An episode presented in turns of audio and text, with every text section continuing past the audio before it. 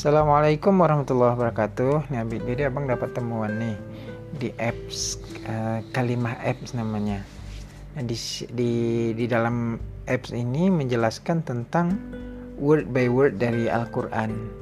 Nah, jadi mudah bagi kita nanti untuk mempelajari Al-Quran satu ini dalam arti meaning ya.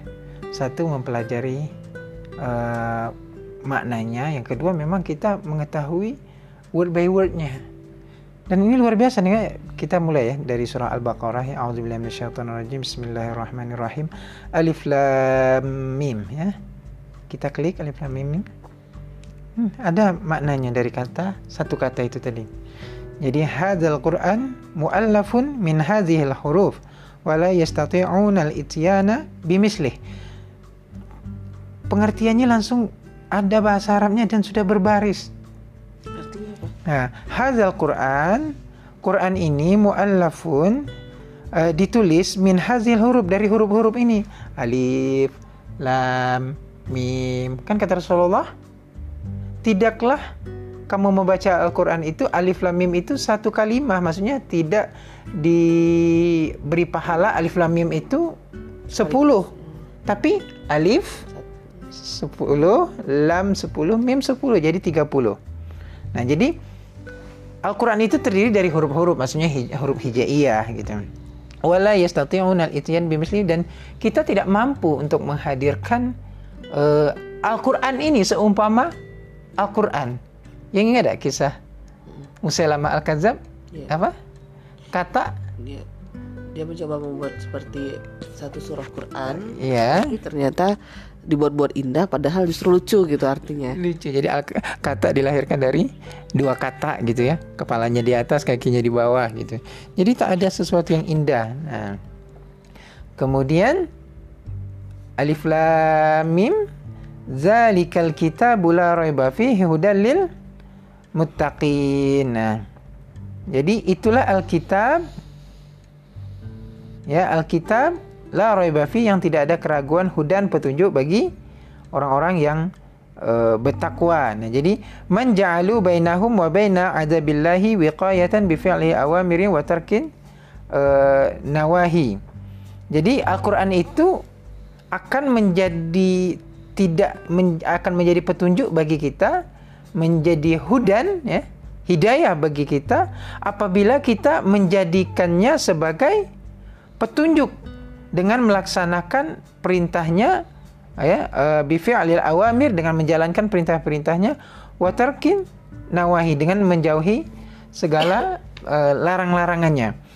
Nah, jadi Alkitab itu dia berfungsi kalau kita amalkan.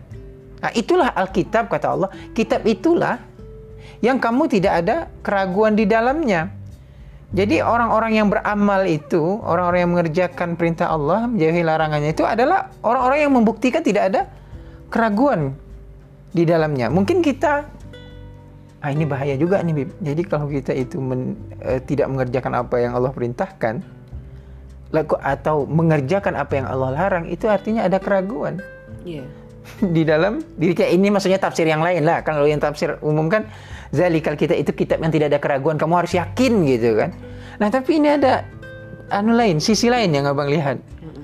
Uh, bentuk keraguan itu bukan hanya aku ragu tuh uh, dengan Al-Quran itu. Bukan hanya itu tapi tatkala kita meninggalkan yang diperintahkan atau mengerjakan apa yang dilarang itu juga bisa jadi bagian dari keraguan gitu gimana menurutnya Iya betul kan karena kalau misalkan dia mengerjakan hmm. apa yang Allah perintahkan dan menjauhi apa yang Allah larang maka itu adalah bukti keimanan dia pada apa yang Allah katakan di dalam Al-Quran. Ya, nah sebaliknya kalau misalkan dia nggak mau mengikuti itu berarti ya dia nggak beriman dong sama Allah. Hmm. Makanya ketika orang bilang aku beriman tapi aku dia tidak menjalankan itu maka dibilang orang-orang yang fasik. Iya. Bukan golongan orang-orang yang beriman hmm. gitu kan.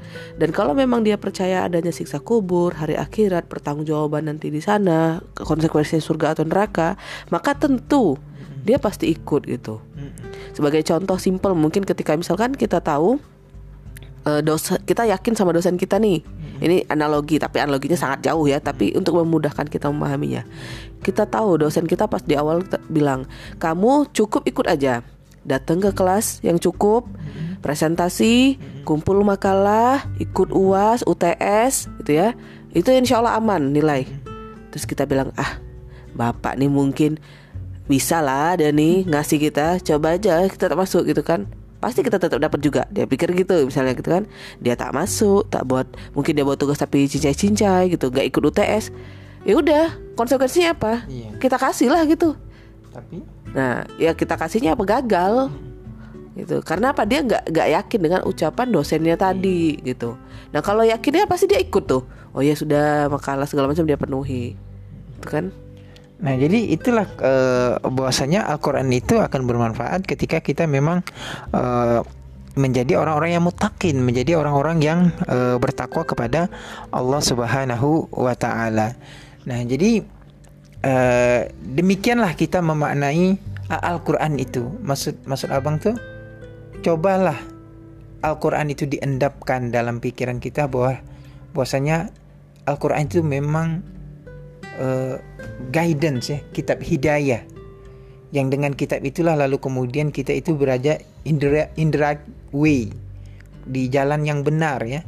Banyak orang misalkan membaca kiat-kiat sukses, kiat-kiat bagaimana lulus untuk eh, ujian perguruan tinggi, kiat-kiat bagaimana mereka bisa eh, lulus tes masuk di sebuah perusahaan besar. Mereka tuh betul-betul membaca ya, Serius. ya serius, betul-betul serius dan menyadari bahwasanya dengan mengikuti petunjuk itu dia eh, merasa pede, merasa yakin, merasa menang. Contohnya orang PNS baca tuh buku, buku tentang apa ya? Coba ikut les. Ya coba ikut les. Eh, ya dia berharap dan bahkan dia yakin kalau dia ikut eh, petunjuk itu dia akan lulus. Nah, bagaimana persepsi kita pula terhadap Al-Qur'an? Adakah kita memiliki keyakinan yang jangankan mungkin sama ya. Ya. Bahkan mungkin tidak punya keyakinan sama sekali atau dalam arti keyakinan yang kecil terhadap Al-Qur'an ini sebagai sebuah eh, petunjuk yang dapat membahagiakan kita di dunia dan di akhirat tentunya. Nah, jadi eh, memang harus ada perenungan yang serius, pengkajian yang eh, continue, rutin dan bahkan mendalam dan bahkan direnungkan itulah Abang eh, mulai menyadari afala yaqilun, afala tatadabbarun, afala taqilun. Jadi itu kan menunjukkan apakah kalian tidak berpikir. Jadi ketika kita membaca Al-Qur'an itu ya, kita juga diajak merenung, diajak berpikir, ingin mengetahui hakikat sebenarnya dari sebuah ajaran eh, Islam ini. Iya. Jadi kalau yakin maka ikuti. Gitu Ya. ya. Oke, terima kasih sayang.